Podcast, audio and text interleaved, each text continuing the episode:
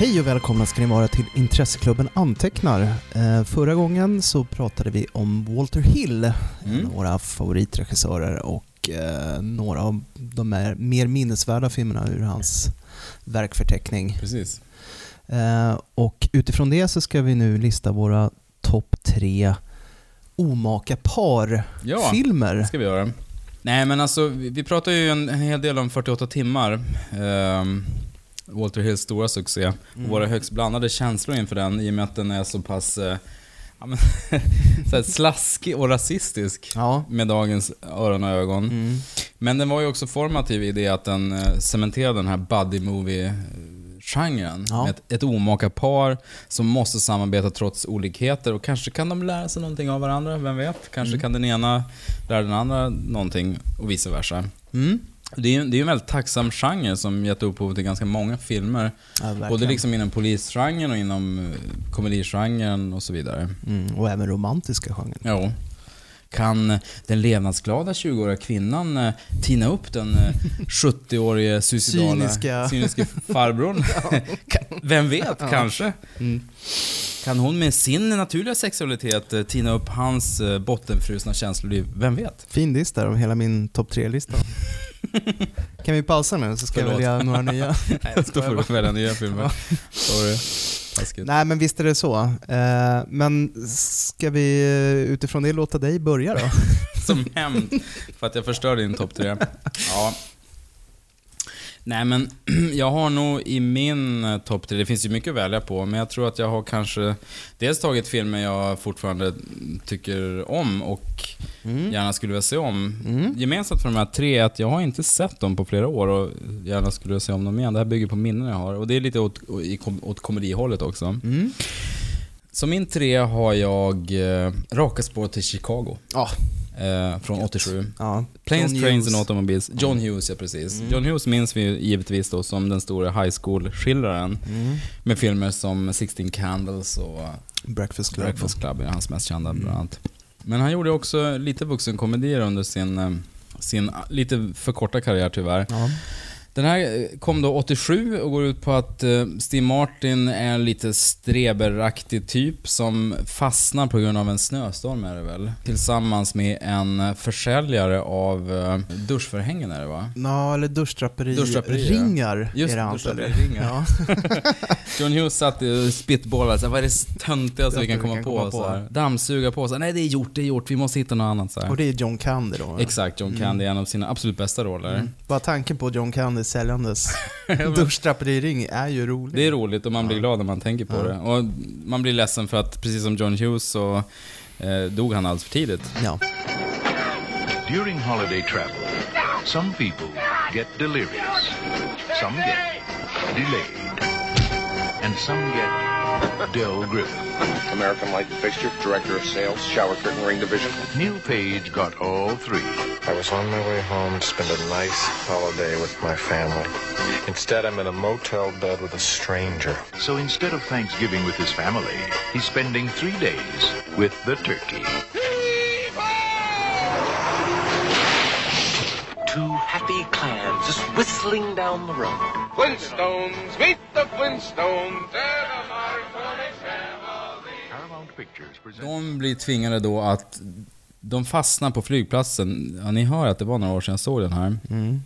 Och måste för egen maskin ta sig hem. Och det här är ju under en helg. Är det Thanksgiving? Ja, jag eller? tror han ska ta sig hem till Thanksgiving. Det är så jag vill minnas Ja, men jag tror det är det. Steve Martin vill ju inte ha någonting med den här att göra, för att han är ju en, en straight shooter liksom, medans eh, John Candys karaktär är en snabbsnackare, riktig snackapa.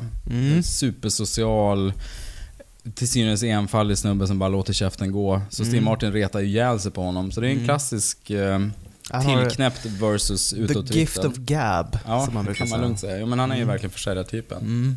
Lite som John Goodman i uh, Oh Brother Where Art Thou, Mm. fast snäll. Precis. Mm. Precis, bra, bra exempel. För John Goodman, han är ju perfekt för att spela den här typen av Ja. roller också. Men under, under tiden, under den här resans gång, för det är ju, det är ju en buddy, buddy comedy och det är en omaka parfilm och det är en road movie också kan man ju säga. Ja, det är det. I Under- under-. Ja men verkligen, under resans gång. Och det, och det är ju roligt att John, John Hughes deklarerar ju det redan i titeln, Planes, Trains and Automobiles. Det är så här kommer det, det, det den här ordningen kommer hända i. Det är de här fordonen de kommer att använda. Under resans gång, precis som i alla road movies med självaktning, så kommer det ju att hända saker. Det kommer att, de kommer att förändras, få, få förnyad syn på varandra och så vidare. Det här är ju ingen djup eller eh, film som säger många sanningar om livet, men den är väldigt fin. Och eh, framförallt gör ju både Steve Martin och eh, John Candy två några av sina bästa roller. Den är utmärkt just för att Steve Martin är så återhållsam. Mm, ja men precis. Han jo, brukar ju ofta spela, om man jämför med. Supernollan eller Mm. så här. Där är ju han som den galna i en, i en normal värld. Men Mm. här ska ju han vara den normala snubben och John Candy riffar emot honom som Mm. den här utåtagerande knasbollen. Men det finns ju några klassiska scener. Den ena är ju när de är ute och kör bil och nu, nu får jag bara vaga minnen av den här men Steve Martin får en syn av att John Candy är djävulen. Och skrattar redan. Ja, egentligen borde du berätta den scenen. Och det går så fort så att någon av dem sätter ju fingrarna i, i panelen så här, och river spår i det. Ja, just det. Ja. Det är jätteroligt. Mm. Lyckligtvis är det här en sån film som kanske går på femman eller sexan någon gång då och då. Inte jätteofta, eh, men inte lika ofta som typ The Born Identity eller, eller Jagad. Men Jag då då inte tablå-tv, men jag kan föreställa mig att den går hyfsat Mm. regelbundet. Den kan dyka upp, då är den värd se. Det finns en annan klassisk scen när de här två har somnat somnat i sked med varandra Ja. i dubbelsängen på hotellet. Det är varmt och skönt. Ja, men det är jätteskönt, de somnar Mm. tillsammans och, och, och sen vaknar de och Steve Martin upptäcker ju att han har händer mellan två kuddar. Mm. Eller? Those aren't pillows. Och sen hoppar båda upp i panik och börjar snacka baseball. Så, "Äh, hörde du gick för The Mets igår? Ja, det gick ganska bra. Precis. Ja. Nej, jättebra scen. Nej men eh, så att eh, det är en, eh, en, en fulländad eh, omaka parfilm som verkligen ja, men tar konceptet till, eh, till fulländning. Ja. Egentligen. Så att eh, Raka spår till Chicago eh, från 87, se den om ni får chansen. Det, det är min trea. Absolut. Det är ju i- inte bara en av John Hughes bästa filmer, utan även både en av Steve Martins och John Candys bästa Mm, filmer. absolut. Skulle jag säga. Det är en gjuten komedifilm. Mm. Mycket bra val. Ja, tack tack. Mm. Mitt tredje val är eh, Afrikas drottning, Oj. African Queen, Mm. John Hustons eh, ja, romantiska äventyrsfilm. Från John Hughes till John Houston. Ja, exakt. Från John Hughes till John Houston. Den gjordes 1951. För mig är ju Afrikas drottning en, en sån här riktig snuttefilt. Mm. Det var en typisk sån här uh, söndagsmatiné. I samma fack som kanske Robin Hood med Flynn eller Rio Mm. Bravo med John Wayne eller Örnästet här, Mm. med, med Richard Burton. Och, så här, som återkom ganska ofta och gärna på söndags eftermiddagarna Mm. alternativt bara mitt på dagarna. Så jag har många minnen av att jag låg sjuk hemma och du vet, man är så här urslig och så, så slår man på tvn och så visar de Mm. Afrikas drottning Mm. på SVT. Eller som vi sa, eh, på TV. Ja, som det precis. På den tiden var det på TV. Eh, och eh, den har liksom följt mig genom livet. Den är ju inspelad i, eh, vilket var ganska ovanligt på, på den tiden, på plats. De åkte ner till Uganda och Kongo och spelade in den och Mm. drog med sig det här lasset med, med stjärnor. Även om det kanske bara var två stjärnor framför kameran så hade Mm. de ändå ett entourage med sig. Vi har ju alltså eh, Humphrey Bogart som eh, spelar mot typ egentligen kan man säga. För att han gjorde ju sig ett, ett namn som ganska hårdkokta, Mm, mm. cyniska män som Ja. alltid hade koll på situationen och alltid hade en, en sylvass ripost Mm. i bakfickan. Sådär i, i dialog. Här är han som är happy-go-lucky-figuren. Ja, här är han ju en ganska vek, lite försupen, Mm. ömkansvärd figur. En, Mm. en snäll eh, båtkapten Just det.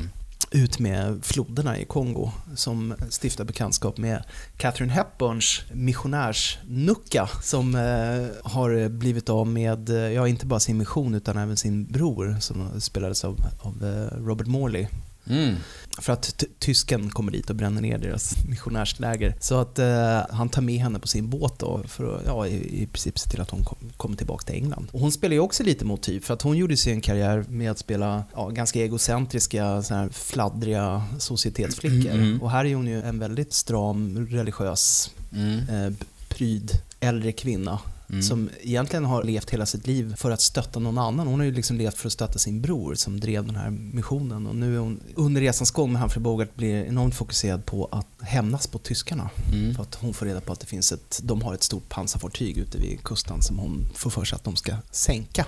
From the thrilling pages of world-renowned author C.S. Forrester's story, and filmed in the jungles and at the headwaters of Africa, the Dark Continent, in all the magnificence of color by Technicolor, comes the most exciting adventure ever screened.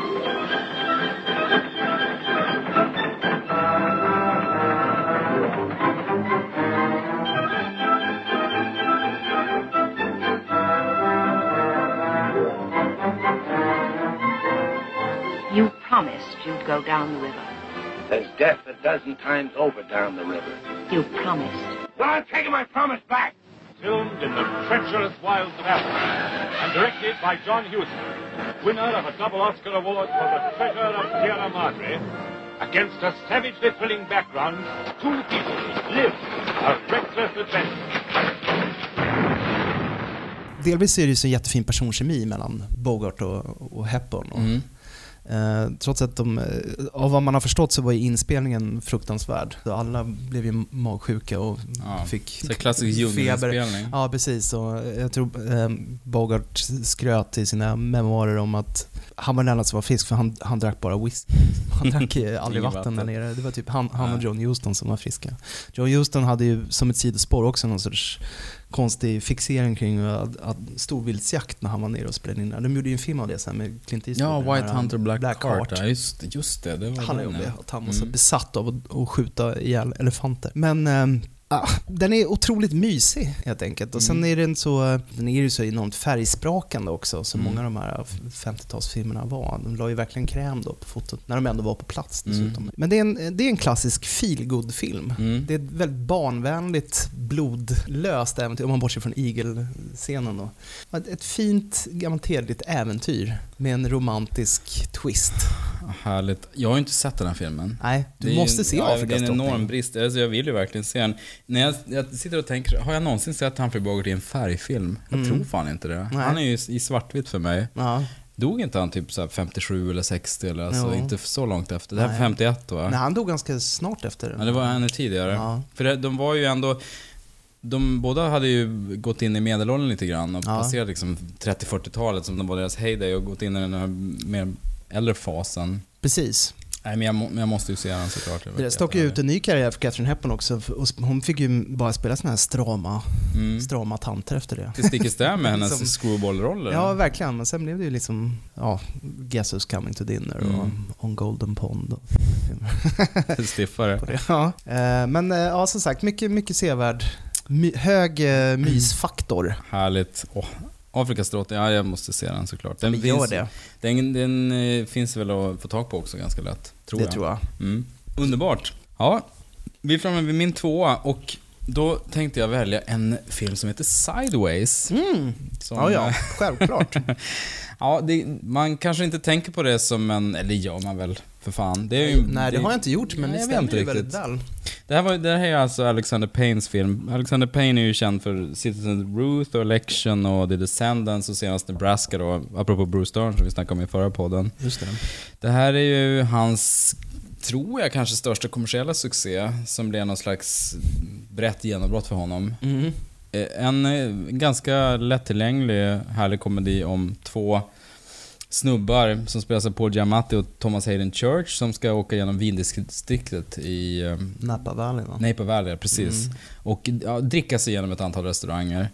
Och Thomas Hayden Church är ju en ladies man som är ganska sorglös i alla fall Han är lite skön till synes. strand, strandluffare. Ja men precis. Han är Raggare. s- sorglös, happy-go-lucky typ Mm. som inte bryr sig så mycket. Nej. Lyck- får, får ragg men har sällan några längre relationer. Han är 40 men är mentalt så är han 13. Ja men precis, han eh, har ju lite ålderskris där. Han Ja. låtsas inte om att han har passerat 40. Mm. Och så har vi Paul Giamatti som precis har blivit dumpad då. Har jag för mig i alla fall. Ja. Han är lite som eh, John Favreaus eh, rollfigur i, i, i Swingers. Swingers, ja. Att han kan inte riktigt släppa sitt förhållande. Han, liksom, han kan inte gå vidare. Nej. Så det är väl egentligen, även om de här två är gamla vänner, så är de så pass omaka att en, en är någonstans fast i det förgångna och är väldigt så, monogamt inriktad och den andra har en helt annan syn på livet. Sen åker de runt och, och dricker vin. Mm. Och Just det. eh, träffar andra människor och träffar tjejer och hanterar det på olika sätt. Ja. Let me show you how this is done. Hold the glass up and examine the wine against the light. You're looking for color and clarity. Now, stick your nose in it. Maybe some strawberry. Oh, there's just a, a flutter of like a like a nutty Edam cheese. When do we drink it? Now. Are you chewing gum? No.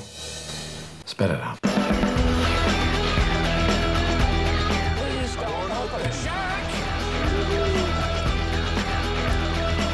Get married on Saturday. Here's my last week of freedom. We're gonna play some golf, eat some great food, and we're gonna send you off in style. It's gonna be great. These girls want to party with us. If they want to drink Merlot, we're drinking Merlot. No, if anybody orders Merlot, I'm leaving. I am not drinking any Merlot! Det var också filmen som, som sänkte Merlot. Merlot-tillverkarna Fuck Merlot! i flera år. ja, verkligen. Merlot blev eh, vina non grata. Eller det. vina non Ja, grata efter det ja, här. Exakt. Det var ingen som ville dricka det. Nej, men det blev nästan en catchphrase där, fuck Merlot. Ja, För det var ju också vinet, eller filmen som gjorde det så vinsnack lite mer populärt. Kan Ja, man säga, precis. Nej, men det, är, det är en otroligt älskvärd film som bygger jättemycket på, alltså dels Alexander Payne är en jättebra regissör och skriver väldigt bra manus, men sen har du ju två kalasskådisar. Vi nämnde ju faktiskt Eh, apropå Leslie Mann så nämnde Mm. vi George of the Jungle i förra podden. Och där gjorde ju Thomas Hayden, det var där jag såg Thomas Hayden Church första gången, som Mm. skurk i den filmen. Det är ju en, det var som en uppenbarelse. Mm. Han är så otroligt bra. Alltså George of the Jungle är en, vi måste nästan göra en egen podd om, vi måste göra en Brennan Fraser-podd. Ja. Eller i alla fall George of the Jungle-podd. För Ja. den filmen är så fruktansvärt underskattad. ja. Du har en apa med röst av John Cleese, tror jag.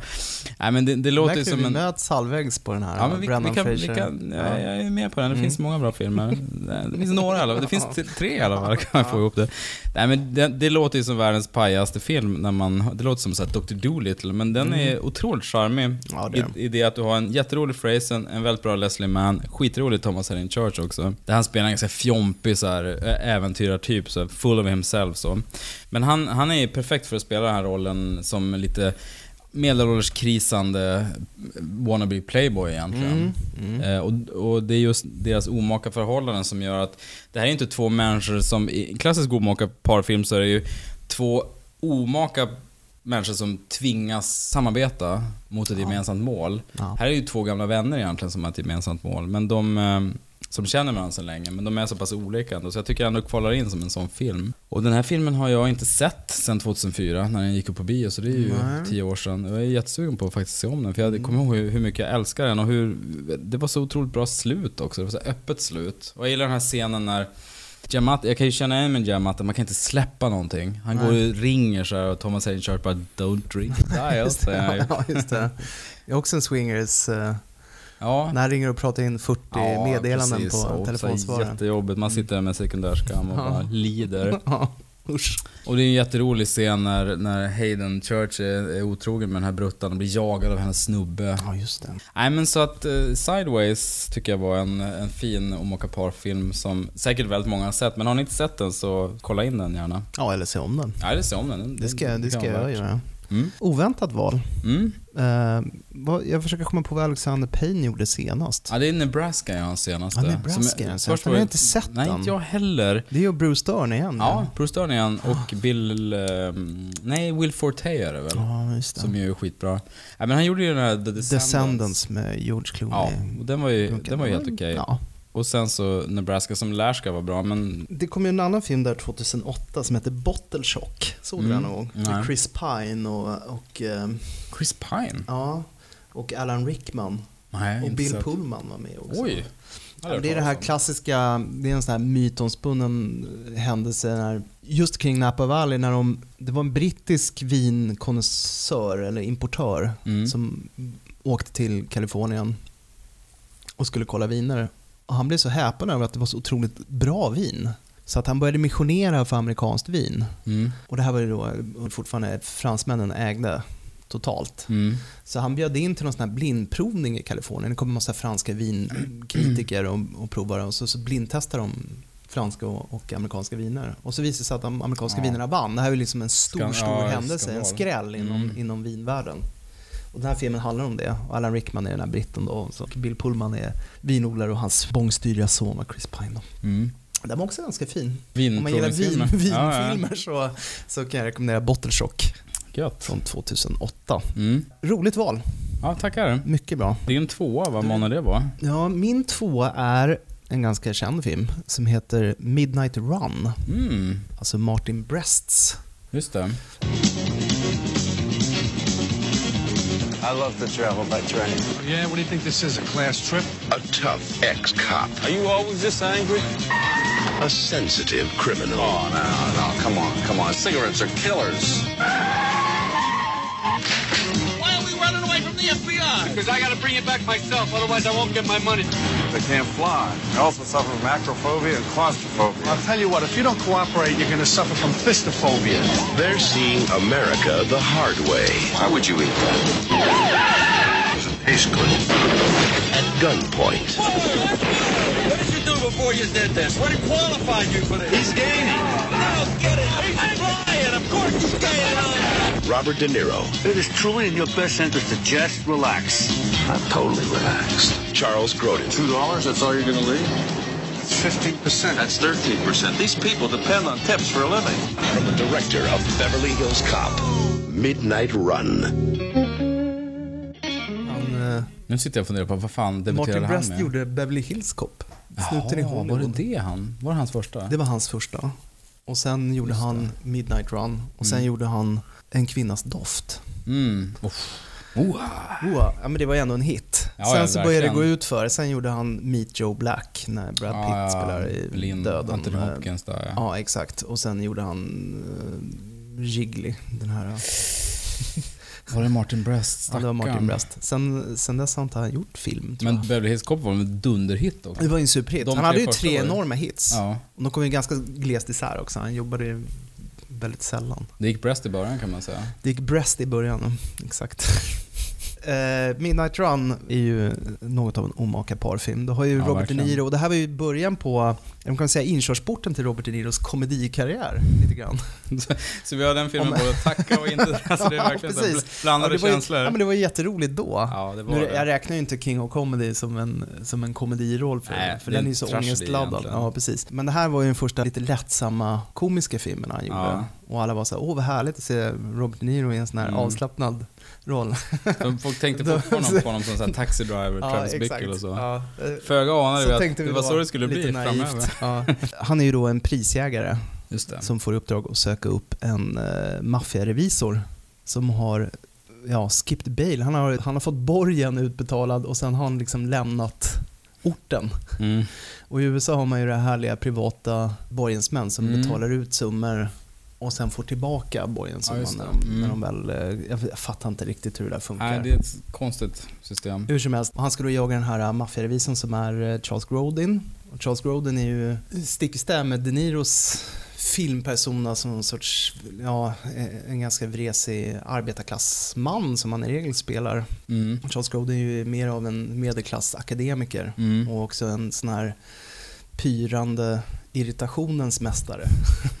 Många beska eh, sidoblickar. Mm. Den här filmen ju, har ju också ett otroligt driv och ett väldigt snitsigt eh, manus. Och också har en väldigt så hög citatnivå. Mm. Det är mycket så här, “These things go down” och “Smoking or non-smoking, take a wild guess” och “I'm mostly” och sådana här härliga kommentarer som har blivit mer eller mindre odödliga. Mycket tack vare att det är en så otroligt stark eh, byrådslista också. Du har inte bara De Niro och Charles Grodin, du har ju även Jafet Kotto som FBI-agent, du har ju eh, Dennis Farina som maffiaskurk. Ja, som vi såg i Manhunter också. Exakt, och sen har du ju John Ashton som De Niros eh, prisjägarrival. Ja, just det, från Marvin. Ja. Ja. Och eh, Joe Pantoliano som hysterisk eh, borgensman. Och, alltså det, Joey det är en sån gjuten skådislista Ja. och alla får fint material att jobba med. Mm. Det är också en personlig resa för de här två. Alltså De Niro är en väldigt tillknäppt eh, rollfigur som Mm. är lite kantstött. Mm.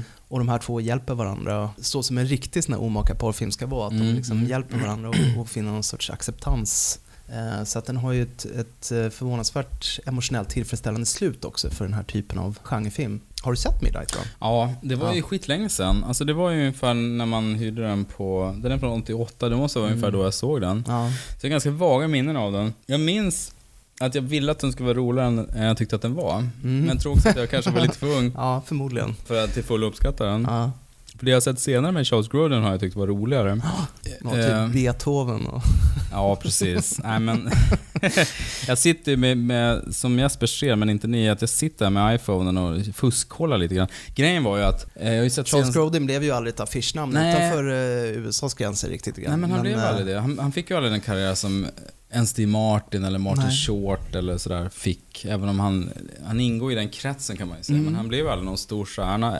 Det är väl, man kanske kan säga att Steve Martin är den som ligger närmast kanske. Ja, det kan man nog göra. Här, Liksom är komedipersonor. Sammanbitna, Ja, ångestridna precis. personligheten. Som man spelar mycket i Parenthood också. Det kunde lätt varit Charles Grodin som Ja, Steve absolut. Martins roll där. Eller för den delen i Rakspåret i Chicago. Ja, jo men det, det hade det kunnat vara. Mm. Nej men han är ju skitbra och nu, nu i våras kollade jag senaste säsongen av Louis. Mm. Och det tog ett tag innan jag fattade att Louis granne där, läkaren, är faktiskt spelas av Charles Grodin. Mhm. För att han, dels så såg han så otroligt gammal ut och sen är han så här. Är han med där? Jag har inte sett senaste säsongen. Nej men han är med där. Ja, vad kul. Han är jättebra och han är ju gråhårig med så här tunnhårig med tjocka glasögon, riktigt så här gammelman. Jag tänkte så här.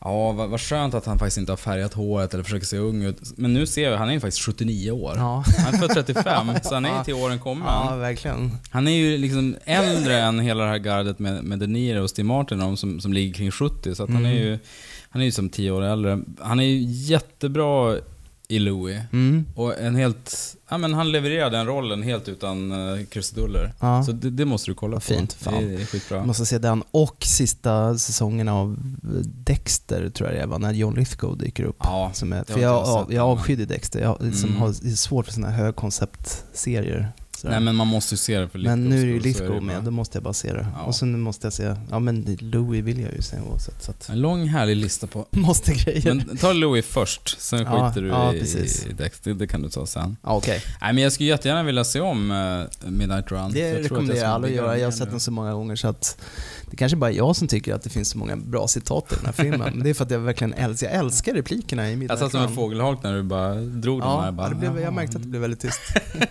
Hörde fjärran kyrkklocka där. Trampolin susar Där kommer riktiga klassiker. Ja, nej men det var ju mer än 15 år sedan jag såg den, Mm. så det, har ju med det att göra. Tyvärr. Okej. Nej men jag, lo, jag lovar att se om den. Ja, men gör det. Mm. Gött, bra val. Mycket tack. bra. Jag blev peppad. Mm. Ha, nu är vi framme vid den ärofyllda första platsen Mm. Och eh, då går jag på ett omaka par.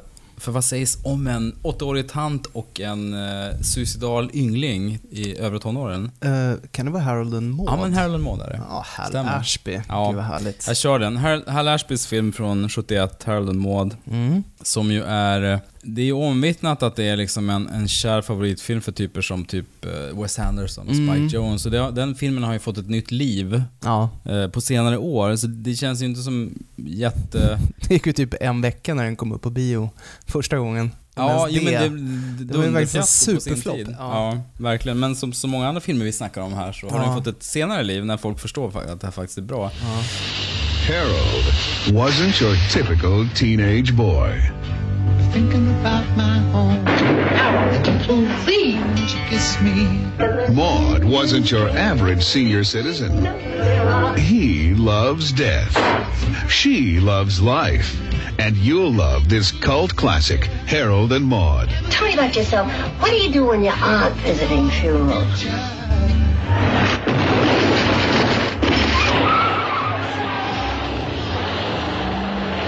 Academy Award winner Ruth Gordon and Bud Cort in the romantic comedy Harold and Maud. Nej, men Hal Ashby är väl känd för att ha gjort, ja men han gjorde den här komedin Shampoo. Mm, just det. Warren Beatty. Warren Beatty, precis. Han har gjort den här Being There med Peter Sellers. Hans här, sista film. precis, efter Kosinskis eh, fina bok Välkommen Mr Chance. Och Harold and Maud är ju Det rankad... hårda straffet. Ja, just det, den här med... Nicholson och Just det. Randy Quaid. När han... Eh, Sjöman som ska tas, eskorteras Han ska in till... i eh, arresten. Ja, ställas inför krigsrätt. Just det. Den har jag inte sett. Men det är en så ikonisk bild när eh, Nicholson står så här, topless med Mm. en cigarr och Mm, Sjömansmässan, Kallemössan. Kalle Anka-mässan. Ja, han är, han är, den är jättebra. Ja, men jag måste se den. Handlar kort, kort sagt om eh, en eh, yngling som spelas av Bud Cort som är... eh, Ja, men han är väl jävligt uttråkad av sitt överklassliv egentligen. Hans mamma är någon slags societetsdam som Mm. ler överseende åt alla hans pranks för att han är så morbid besatt av döden. Mm. Så han iscensätter... Mamman försöker para ihop honom med diverse andra liksom, välartade Mm. unga tjejer för han, Mm. hon vill ju att han ska ha någon slags socialt liv. Ja. Och när de kommer på dejt så, har han, så hänger han där. Eller ligger styckad på, på bordet. Mm. Och eh, flickorna skriker av fasa. Morsan, men Harold för fan. Skärpning. Ja. Hon ja, men det är lite som, som om Benjamin i mandomsprovet inte var exakt. en, eh, en Ivy League-jock utan en, Nej, men de en är- kreativ, eh, nördig kille. Men exakt. det varit de är besläktade i det att de, Ja. de hittar inte hem i, i sitt respektive sammanhang. Den här Mm. medelklass, eller den här väldigt låsta medelklass, övre medelklassvärlden där det finns en massa konventioner.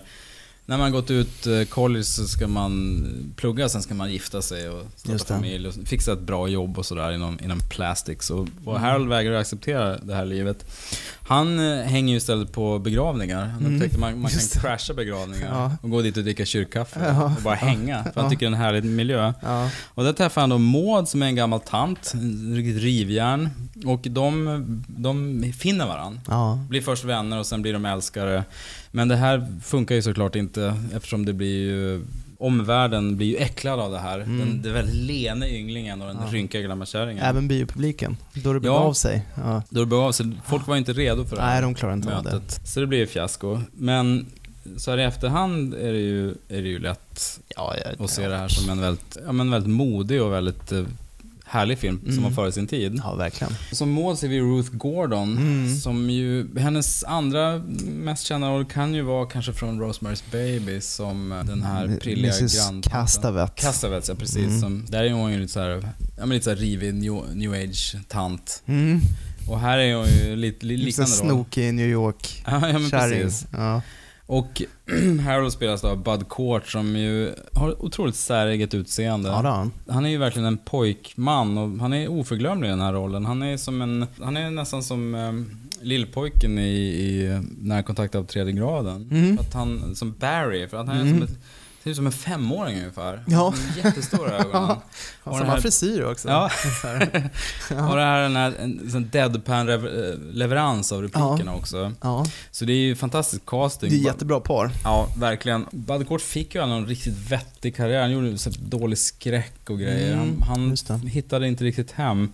Han har ju en liten roll i Heat av Michael Mann, apropå att vi snackade om uh, Mann i förra Mm. podcasten, som eh, kock, eller han är chef på restaurangen Just där det, han är korrumperade snabb... Eller diner... Precis, som bara är förjävlig mot han uh, Michael T. Williamson är det väl? Just det. Som bara, nej nu skiter jag i jobbet, drar iväg, är med på rånet Mm. och blir skjuten. blir skjuten och dör. Ja, det är så tragiskt. Ja, det är tragiskt. Men han är ju, även i en sån liten roll är ju Bud Cort minnesvärd. Nej men så att Harold Maud, och filmen lyfter ju av det här otroligt härliga soundtracket av uh, Yusuf Islam också. Just Eller Cat. Stevens som han Cat hette på den som han tiden. hette då, ja. Och det soundtrack tror jag bara släpptes, det släpptes sent, alltså för några år sedan, i någon Mm. jättefin vinylutgåva. Mm. Så att det kan ni kolla upp på kanske Spotify och sen så Ja, tycker jag verkligen att ni ska se Harold and Maud, alltså för 71. Otroligt uh, härlig och mysig film på alla sätt och vis. Och Det- den, den är ju besläktad med till exempel Fa- Fassbinders uh, Rädsla urholkar själen, där en svart uh,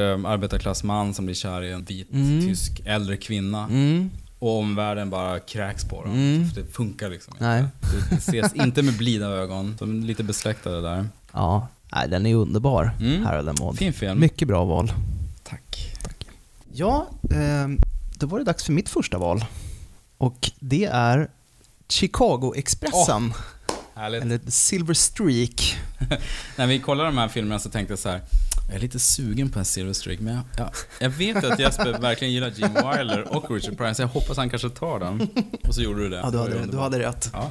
Jag kunde tagit vilken som helst av, av de filmer de har gjort tillsammans, men det här är väl den egentligen som kanske är mest kvalitativ, även om jag gillar äh, Dårfinkarna och sånt där. Men du tycker den här är bättre än Se upp blindstyre? Ja, det, det tycker jag faktiskt.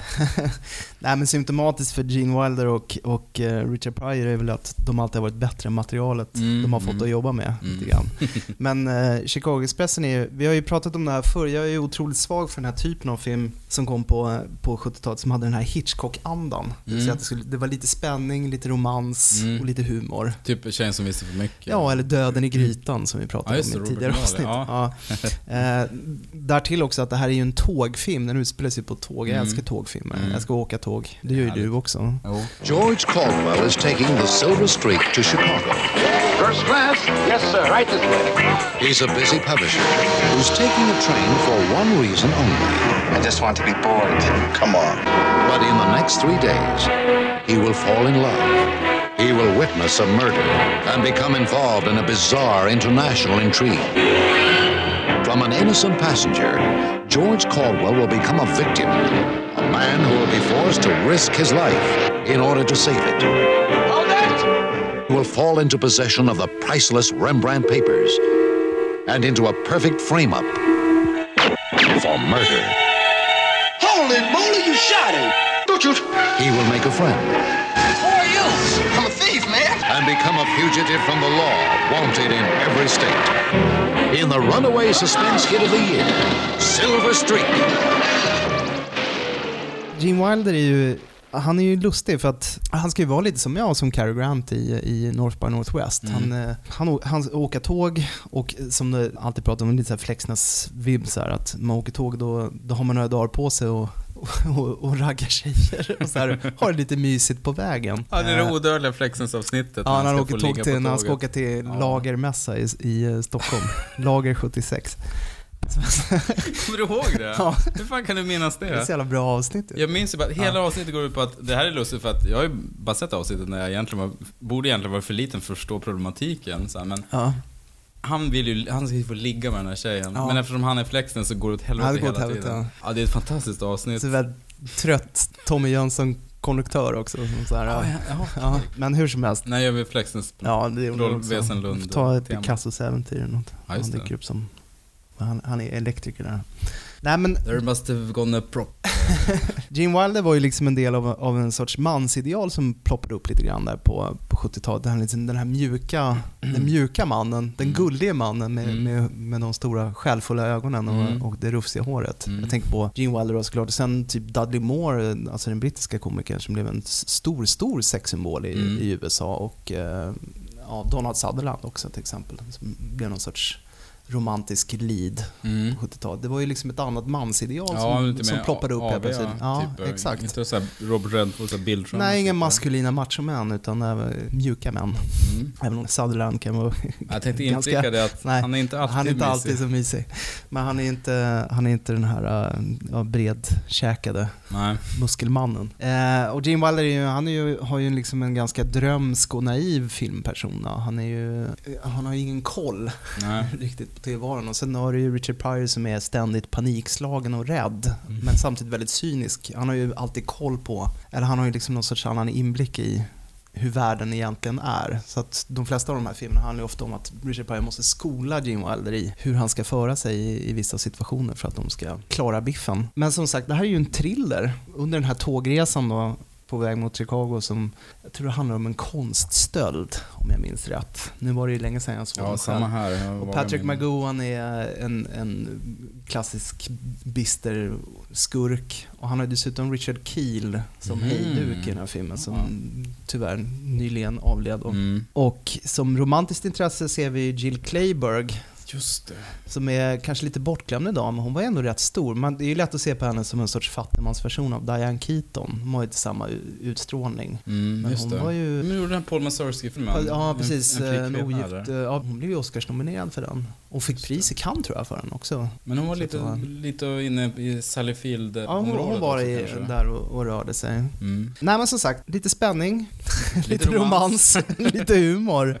Ja, Ja. Men vad mer kan man Nej, begära? Jag det tycker det inte görs för få filmer av det här slaget idag. Mm. Det, det har dött ut. Mm. Det är liksom antingen eller nu på ett annat sätt. Så jag, jag vill verkligen slå ett slag för, för den här typen av film. Den innehåller också en notorisk sån här blackface-scen när Gene Wilder eh, skokräms-sminkar sig. Ah. Men det här är en sån här blackface-scen som enligt mig som har tolkningsföreträde då, anser är, är på rätt sida om gränsen. Ja. Ja, men precis på samma sätt som Robert Downey Jr till exempel i, i uh, Tropic Thunder. Ja, just det. Var, liksom att det är, det är egentligen på den vite mannens bekostnad. Ja, det är ju en drift med hela filmbranschen Ja. egentligen, så det passerar ju också givetvis. Ja, men sen är det ju alltid tacksamt att se Richard Pryor och Gene Wilder i hög här var de verkligen i hög form. Mm. De är väldigt bra tillsammans. Men det är just, eh, det är just den blåögde kontra den, eh, den realistiska som är Mm. det omaka i sammanhanget. Men eh, ja, Chicago Expressen. Fan vad sugen jag blev på att se om den. Det var ju e- som sagt evigheter sedan jag såg den. Mm. Ja, den är mysig. Gött. Och det var det. Det var det vi hade. De här filmerna får ni förstås kolla upp. De finns förhoppningsvis att hyra på DVD eller köpa eller strömma eller så vidare. Vi tackar för ikväll och så är vi väl eh, tillbaka om inte allt för länge med en eh, ny regissör som vi ska prata om. Mm. Ha det fint tills nästa gång. Så hörs vi. Jajamän. Hej hopp. Hej.